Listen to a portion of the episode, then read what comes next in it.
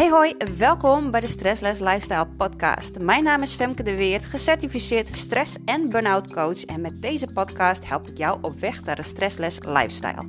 Mijn visie, het leven is om ervan te genieten, dus laten we dat ook gaan doen.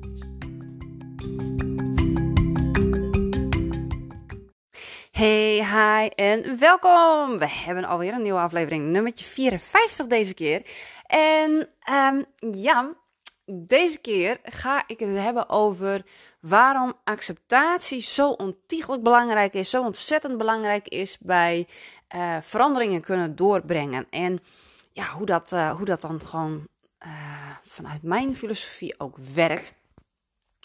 Want ehm, ja, alles. Ik, ik ben er echt van overtuigd dat zelfliefde de eerste stap is. En om in een vorm van liefde te komen, moet je, of in een staat van liefde te komen, moet je dus eerst in een accepterende staat komen. Want zolang je blijft vechten, uh, ja, vechten gebeurt vaak vanuit angst, gebeurt vaak vanuit frustratie of boosheid. Nou ja, en onder frustratie en boosheid ligt eigenlijk ook altijd angst. Dus uh, vechten gebeurt altijd vanuit een bepaalde angst. Het is ook een stressreactie, uh, vechten. Hè? Je hebt het vechten, vluchten of bevriezen.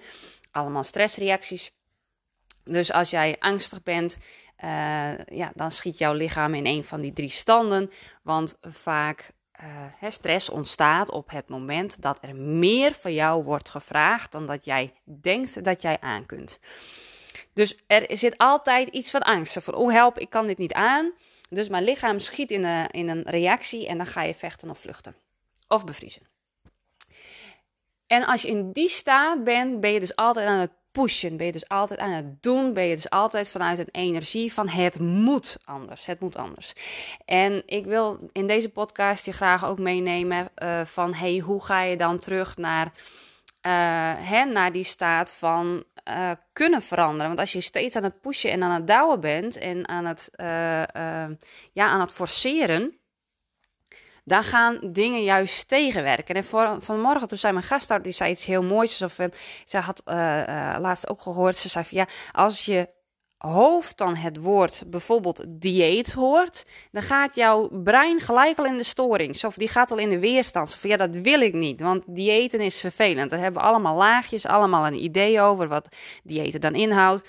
Diëten houdt in dat je dingen moet eten die je eigenlijk niet wil eten, of die je helemaal niet lekker vindt, of dat je heel weinig moet eten. Dus daar hebben we allemaal een beeld bij. En ons hoofd gaat meteen in de storing op het moment dat hij dat hoort.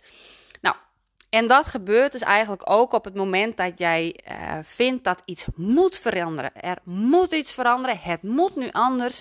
En uh, dan gaat het niet vanuit een, een staat van liefde, maar vanuit een staat van angst. Want je bent bang dat als het niet verandert, wat dan? Dus stel je voor, je zit in je burn-out als dit nu niet verandert, dan verlies ik mijn baan, of dan verlies ik mijn vriendschap, of dan verlies ik mijn relatie, of dan verlies je verliest iets op het moment dat er niks gaat veranderen. En dat is de angst die jou heel erg pusht om door te gaan, om door te zetten. Um, uh, ja, en, en daarmee blokkeer je eigenlijk ook. Want het gaat niet om jou. Het gaat om iets buiten jou. Het gaat iets om wat jij hebt te verliezen. Het gaat niet over jouw eigen welzijn. Het gaat niet over de liefde die je hebt voor jezelf. Het gaat niet over wat je, uh, wie je wil zijn in het leven. Het gaat om iets waar jij bang bent dat gaat veranderen. Nou, verandering vindt bij burn-out sowieso plaats, of je dat nou wilt of niet. Alleen is het wel de vraag vanuit welke koers wil je dat gaan doen? Vanuit welke houding wil je dat gaan doen? Wil je dat dus doen omdat je bang bent om iets te verliezen? Of wil je dat doen om jezelf iets terug te geven wat je misschien onbewust al heel lang kwijt bent? En dat is jezelf. En dat is natuurlijk een hele andere ingang, een hele andere kijk op, uh, op herstel. Dus in plaats van dat je eerst gaat kijken van hey, wie worden er allemaal boos op mij, wie gaan mij allemaal verlaten, wat gaat er allemaal veranderen. Ga eerst eens kijken van hey, maar wie wil jij eigenlijk van binnen zijn? En uh, waarom wil jij graag zo, waarom wil jij zo graag behouden wat er op dit moment is? Want wat gebeurt er op het moment dat jij je baan verliest? Wat gebeurt er dan met jou? Wat, wat, wat, is, wat is het in jou die bijvoorbeeld, hè, dit is een voorbeeldje, zo graag deze baan wil behouden? En wat gaat gebeuren als je het gaat verliezen? Nou, daar kunnen we natuurlijk 101 redenen opzetten. Uh, kan financieel, maar ook een gevoel van waarde. En dat was voor mij persoonlijk was dat een heel groot punt. Dat ik mijn complete zelfwaarde heb gehaald uit werk. Uit het feit dat ik iets voor anderen kon betekenen, uit het feit dat ik geld verdiende, uit het feit dat ik werk had, dat, je, dat je zinvol bezig bent door de dag, uh, was voor mij persoonlijk een heel groot uh, deel van mijn zelfwaarde. En toen dat wegviel, toen moest ik heel lang, uh, ja, moest ik eigenlijk graven van, hé, hey, wat, wat zit hier eigenlijk onder? Waarom voel ik mij zo ontzettend waardeloos zonder werk? En daar zit heel veel verdriet onder. Want ik heb altijd geleerd dat ik iets moest doen om goed genoeg te zijn. Dus gewoon niks doen, lui zijn. Uh, ja, dat, dat is een maatschappelijke waarde die een hele negatieve klank heeft. Dus ik heb ook moeten leren dat juist lui zijn ontzettend waardevol is. En dat niet altijd doorgaan, dat dat heel waardevol is. Dat je relaxen, dat dat ontzettend belangrijk is voor mijn persoonlijke welzijn, voor uh, hè, mijn, mijn fysieke, emotionele en mentale welzijn.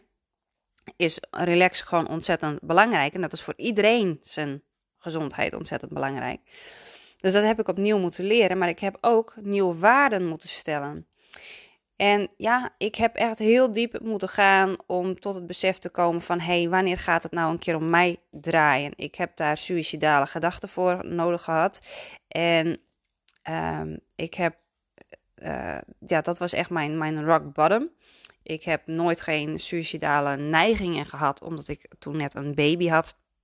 En ik kon mezelf dat nog goed praten. Zo van, ja, weet je, dit, dit kan ik niet maken. Ik heb net een kindje op de wereld gezet ik kan het niet maken om uit te stappen. Dat was nog mijn ho. Maar als ik, als ik dus geen moeder was geweest, weet ik niet hoe mijn, um, uh, mijn leven eruit had gezien op dat moment. En dat is best nog wel eens een beangstigend idee geweest. Uh, nu heb ik daar heel veel vrede mee, want nou ja, ik ben daar doorheen. Het is, het is klaar. Ik heb dat proces, dat stukje gewoon nog nodig gehad om die ommekeer te kunnen maken. Want die ommekeer die kwam juist op het moment van ja, maar ik wil niet meer doen niet meer voldoen aan verwachtingen van anderen, niet meer voldoen aan verwachtingen van de maatschappij. Uh, ik wil nu echt voor mezelf gaan zorgen. En dat was voor mij een switch. Uh, die ook maakte dat mijn herstelproces er ook heel anders ging uitzien. Ik vond het helemaal niet erg meer dat ik thuis zat. En ik uh, kon mezelf ook nu overtuigen dat ik nu voor mezelf mocht zorgen. Dat de maatschappij ook voor mij mocht zorgen. Ik heb jaren en jaren en jaren me uitgesloofd voor de maatschappij. Ik heb altijd sociaal werk gedaan. Altijd voor anderen gezorgd. En nu was het tijd dat, uh, dat er ook voor mij gezorgd ging worden. En dat ik dat ook ging doen.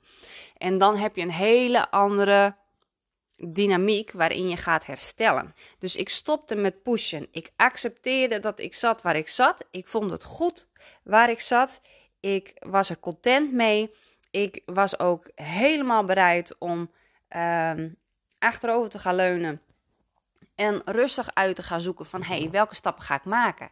En ik wist wel dat ik stappen ging maken. Het was niet dat ik op mijn luie reet ging zitten, uh, om het maar even een dwarsstraat te, te, te, noemen. En dat ik gewoon echt helemaal niks meer ging doen. Maar ik ging wel bewust werken aan mijn manier van herstellen. En dat was dat ik dus uh, rust nam. Dus iedere middag slaapjes. Dat was voor mij de manier om te herstellen, om hieruit te komen. Dat was een bewuste actie om in te zetten om juist te gaan herstellen.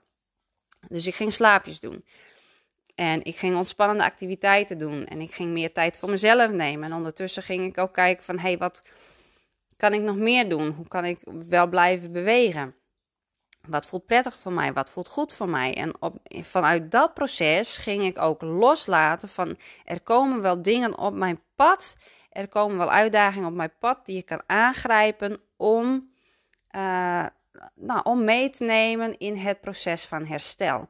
Dus ik deed wat ik op dat moment voor mij goed voelde om te doen. Waarvan ik ook wist dat dat bij ging dragen aan mijn herstel. En ondertussen ging ik gewoon ook afwachten. Dat ik dacht van weet je, het komt wel. Het is wel, het, het komt wel goed. Het is zoals het is, het komt wel goed. Ehm, mijn baan was ik inmiddels al, uh, al kwijt inderdaad.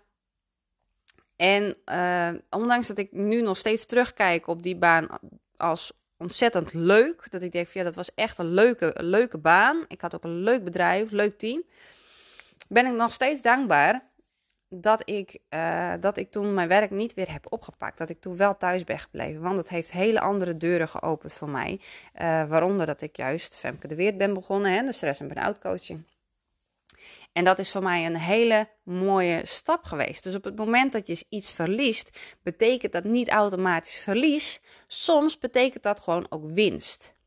Soms betekent het verlies gewoon winst. Soms als jij iets een, ergens een deur sluit, gaat er een andere deur weer open. En misschien is dat wel veel meer jouw pad, is dat wel veel meer jouw weg. En is dat juist wat je nu nodig bent. Maar om die deuren te kunnen sluiten, moet je eerst ook even accepteren waar je bent. Dat je zit waar je zit. Dat je dus echt mag voelen. Echt mag voelen in je lijf dat het oké is zoals je bent. Want daar gaat het uiteindelijk over. Jij bent op dit moment zoals je nu bent, ben je gewoon helemaal oké. En dat is, dat is iets wat wij vaak vergeten. Uh, onbewust zijn we heel veel bezig met het, het uiterlijk om ons, hè, de dingen om ons heen. Dus we halen onze zelfwaardering over het algemeen uit dingen die we doen. En dingen die we presteren. En dingen die we hebben gekocht. En dingen die we uh, vinden dat moeten zijn. Terwijl dat alles wat wij nodig hebben, zit in ons. Ja, en dat klinkt natuurlijk weer heel spiritueel en heel zweverig. Maar dit is het proces zoals ik het zelf heb doorlopen. En hoe meer ik mezelf ga waarderen voor wie ik ben, gewoon omdat ik ben wie ik ben, hoe meer de uiterlijke vorm ook meegaat. Ik, uh, hè, als we het dan even over diëten hebben bijvoorbeeld, ik ben echt, ik ben nooit heel dik geweest. Uh, ik ben ook een keer heel dun geweest. Ik ben 58 kilo geweest. Uh, toen zat ik in mijn burn-out. Toen ben ik heel erg afgevallen. Maar ik ben niet iemand die altijd blij is geweest met mijn lichaam. En als ik er zo naar ga kijken en ik laat mijn brein praten, dan kan hij nog allemaal dingen vinden aan mijn lichaam dat, waar ik niet tevreden over zou zijn. Hè, waar ik niet tevreden over zou kunnen zijn. Maar ik heb besloten in mezelf dat ik juist wel tevreden ga zijn met mezelf. En dat ik juist ga. Uh, ga benoemen en ga zien wat ik wel mooi vind aan mezelf. En wat ik wel fijn vind aan mezelf. En op het moment dat ik die liefde ga voelen voor mezelf, dat ik juist die, die, die, ja, dat, dat innerlijke gevoel heb hè, van liefde, waarin ik nou ja, voel dat ik, dat, ik, dat, ik, dat mijn lichaam goed is. En dat ik als mens goed ben. Dat ik als mens goed genoeg ben. Ik ben een aardig mens. Ik ben liefdevol. Ik uh, geef om heel veel mensen. Ik kan ook heel goed vergeven. Um, ik uh, ben spontaan. Uh, ik zet me graag in voor anderen, maar ook voor mezelf. Ook voor mezelf. Dus ik heb wat dat betreft weinig dingen um, om te zeggen van... hé, hey, ik ben niet goed genoeg.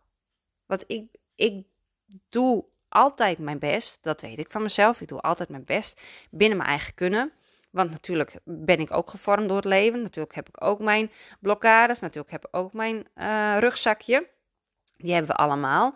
En met alles wat ik heb meegekregen in, in, in de dag van vandaag, kan ik altijd maar handelen van wat ik nu weet. Misschien zou ik het over tien jaar anders doen, maar nu weet ik wat ik nu weet. Dus ik handel van wat ik nu kan, hoe ik nu kan. En ik weet dat ieder mens dat ook doet. En ik doe dat ook. Dus ik weet van mezelf dat ik altijd mijn best doe. En ik weet van mezelf dat ik altijd liefdevol probeer te zijn. En soms lukt dat en soms lukt dat niet. En ik kan mezelf ook vergeven voor de momenten dat het even niet lukt. En ik kan dat ook toegeven als het niet lukt naar anderen toe. En ik kan ook anderen vragen om vergeving op het moment dat mij dat niet lukt.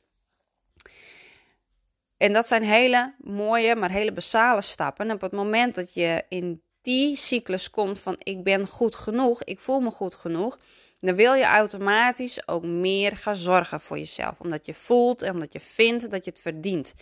Op het moment dat je meer van jezelf gaat houden, ga je je waarden bijstellen. Je gaat je standaarden bijstellen. Dus Um, zie het een, als een, een, een upgrade. Ik bedoel, als wij wij, leven in natuurlijk een fantastische maatschappij met heel veel overvloed. Ik bedoel, uh, we hebben op een gegeven moment een huis uh, gekocht. En dat huis heeft vier slaapkamers en een garage en een mooie tuin. Hartstikke leuk allemaal. Uh, maar ik zou nooit weer terug willen verhuizen naar het huis waar ik vandaan kom. Want dat was een, een, een, uh, een seniorenappartement, was een huurwoningje. Zat wel een hele mooie tuin omheen. maar er zaten twee slaapkamertjes in. Eentje boven en eentje beneden. Nou, mijn kinderen helemaal niet praktisch. Dus ik zou nooit weer kunnen downsizen. Ik zou nooit weer terug kunnen naar dat huis. En dat is met het gevoel van eigenwaarde, het gevoel van, uh, van zelfliefde, is dat ook zo. Je gaat je standaarden voor jezelf verhogen. Dus op het moment dat jij jezelf lief hebt, dan ga je zeggen: van, ja, maar ik wil bijvoorbeeld een baan waarin ik uh, de vrijheid heb om mijn eigen agenda in te vullen. Ik noem even een dwarsstraat. En als je dat dan één keer bereikt hebt, dan wil je nooit weer terug naar een baan waar de tijden voor jou bepaald worden. Want je bent dat zo gewend. En dat gaat met je waarde gaat dat ook zo zijn. Dus op het moment dat je zegt van ja, weet je, ik hou van mijn lichaam. Ik wil gezond gaan eten. En dit gaat ook altijd met ups en downs. Ik zit ook altijd nog in de ups en downs uh, met eten. Dat is echt een, een, een, een heel proces om daar uh, goed, gezond en, en fijn voor jezelf in te leven. Maar met eten is het nu bij mij ook zo ik zit bij mij inmiddels in mijn structuur dat ik uh, doe aan intermittent fasting. Ik bedoel, ik eet s avonds uh, mijn avondmaaltijd voor het laatst. En soms snoep ik nog eens een keertje. Dat mag ook prima. Wel eens een keertje, niet standaard. En dan de volgende dag eet ik pas rond een uur of 9, 10. En dan heb ik, heb ik al een hele tijd niks gegeten. Dus, maar dat intermittent fasting zit er al in. En ik voel dat mijn lichaam daar blij mee is. Ik voel dat ik daar blij van word. En dan is het gewoon heerlijk om dat hè, erin te kunnen zetten. Maar ik weet ook dat ik mijn dag altijd begin met een ontbijt wat gezond is. Mijn lunch is altijd een ander verhaal. Mijn avondeten is ook altijd een ander verhaal. Dat het verschilt per dag. Het verschilt ook of ik kook of dat mijn man kookt. Uh, en dat neem ik ook voor lief. Het is zoals het is. Ik doe mijn best vanuit mijn huidige kunnen. Ik ga niet meer pushen. Hoe meer liefde ik voor mezelf voel, hoe meer dat ik in staat ben om ook liefdevolle dingen aan mezelf te geven en aan mezelf te doen. Bijvoorbeeld met kleren. Ik ga nu kleding uitzoeken. Als ik nieuwe kleding koop, koop ik niet zo vaak. Maar als ik nieuwe kleding uitzoek, dan zoek ik kleding uit die gewoon echt bij mij matchen. En dan is het niet omdat het een goedkoop jurkje is, of dat het een duur jurkje is, of dat het een bepaald merk is. Nee, het is omdat het goed voelt voor mij. Dus je gaat je standaarden verhogen. Je gaat jezelf meer verzorgen. Hoe meer liefde dat je voor jezelf hebt, hoe meer dat je ook over hebt voor jezelf. En dat is het proces waar je ingaat en waar je doorheen gaat. En dat kun je op alle gebieden kun je dat, uh, kun je dat doortrekken. Dus ook op bewegen, op voeding, op uh, mentale gezondheid, op fysieke gezondheid. Dus je kan het in zoveel stukken kun je dat gewoon doorzetten. Maar voordat jij die liefde voor jezelf kunt gaan voelen, mag je eerst wel akkoord zijn, content zijn met daar waar je nu bent. Dus ook al ziet het leven er helemaal niet uit zoals jij het in je hoofd zou hebben, hè, of zoals jij het in je hoofd hebt, dat het eruit moet zien. Dat is helemaal prima. Maar het gaat je nergens brengen, want het is jouw idee van hoe de wereld moet zijn. Het heeft niks te maken met werkelijkheid. Het heeft alleen maar te maken met de imprint van, van jouw brein. Dus wat voor plaatjes dat daarin zitten. En uh, ik ken mensen die heel gelukkig zijn hele grote huizen met hele grote auto's en enzovoort enzovoort. Maar ik ken ook mensen die heel gelukkig zijn in een, uh, in een campertje waar ze, waar, ze, waar ze in leven. Of in een tent. En die zijn ontzettend succesvol en hartstikke, hartstikke gelukkig met zichzelf. Dus weet je, geluk en hoe de wereld eruit moet zien en hoe jouw leven eruit moet zien. Het is allemaal perceptie. Het is allemaal maar een gedachte.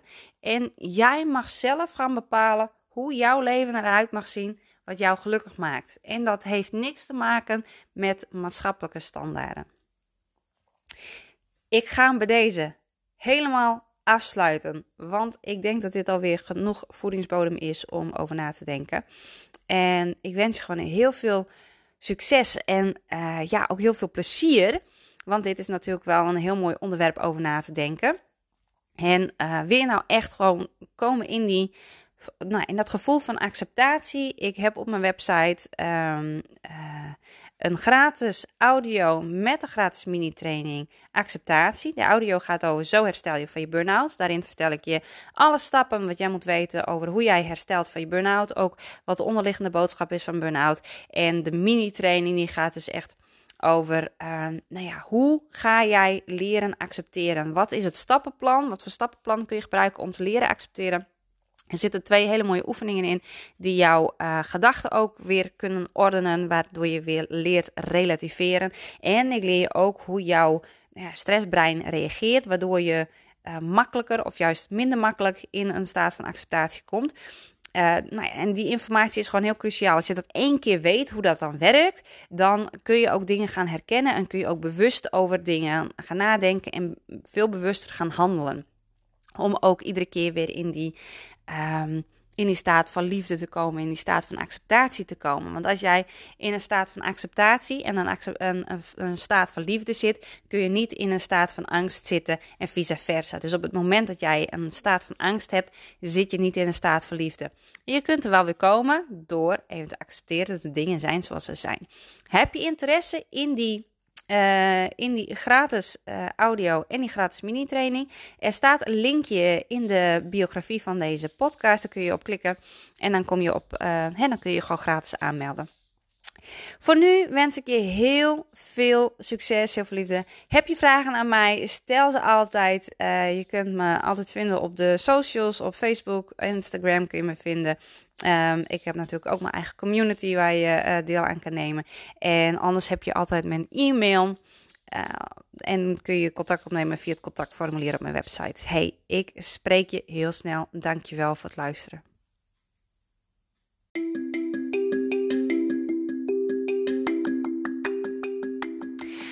Top dat je de tijd hebt genomen om te luisteren. Vind je deze podcast waardevol? Deel hem dan op je socials en tag mij. Ik vind het natuurlijk super leuk om te weten wie je luistert en jij helpt anderen ook om te kunnen genieten van een stressless lifestyle. See you soon!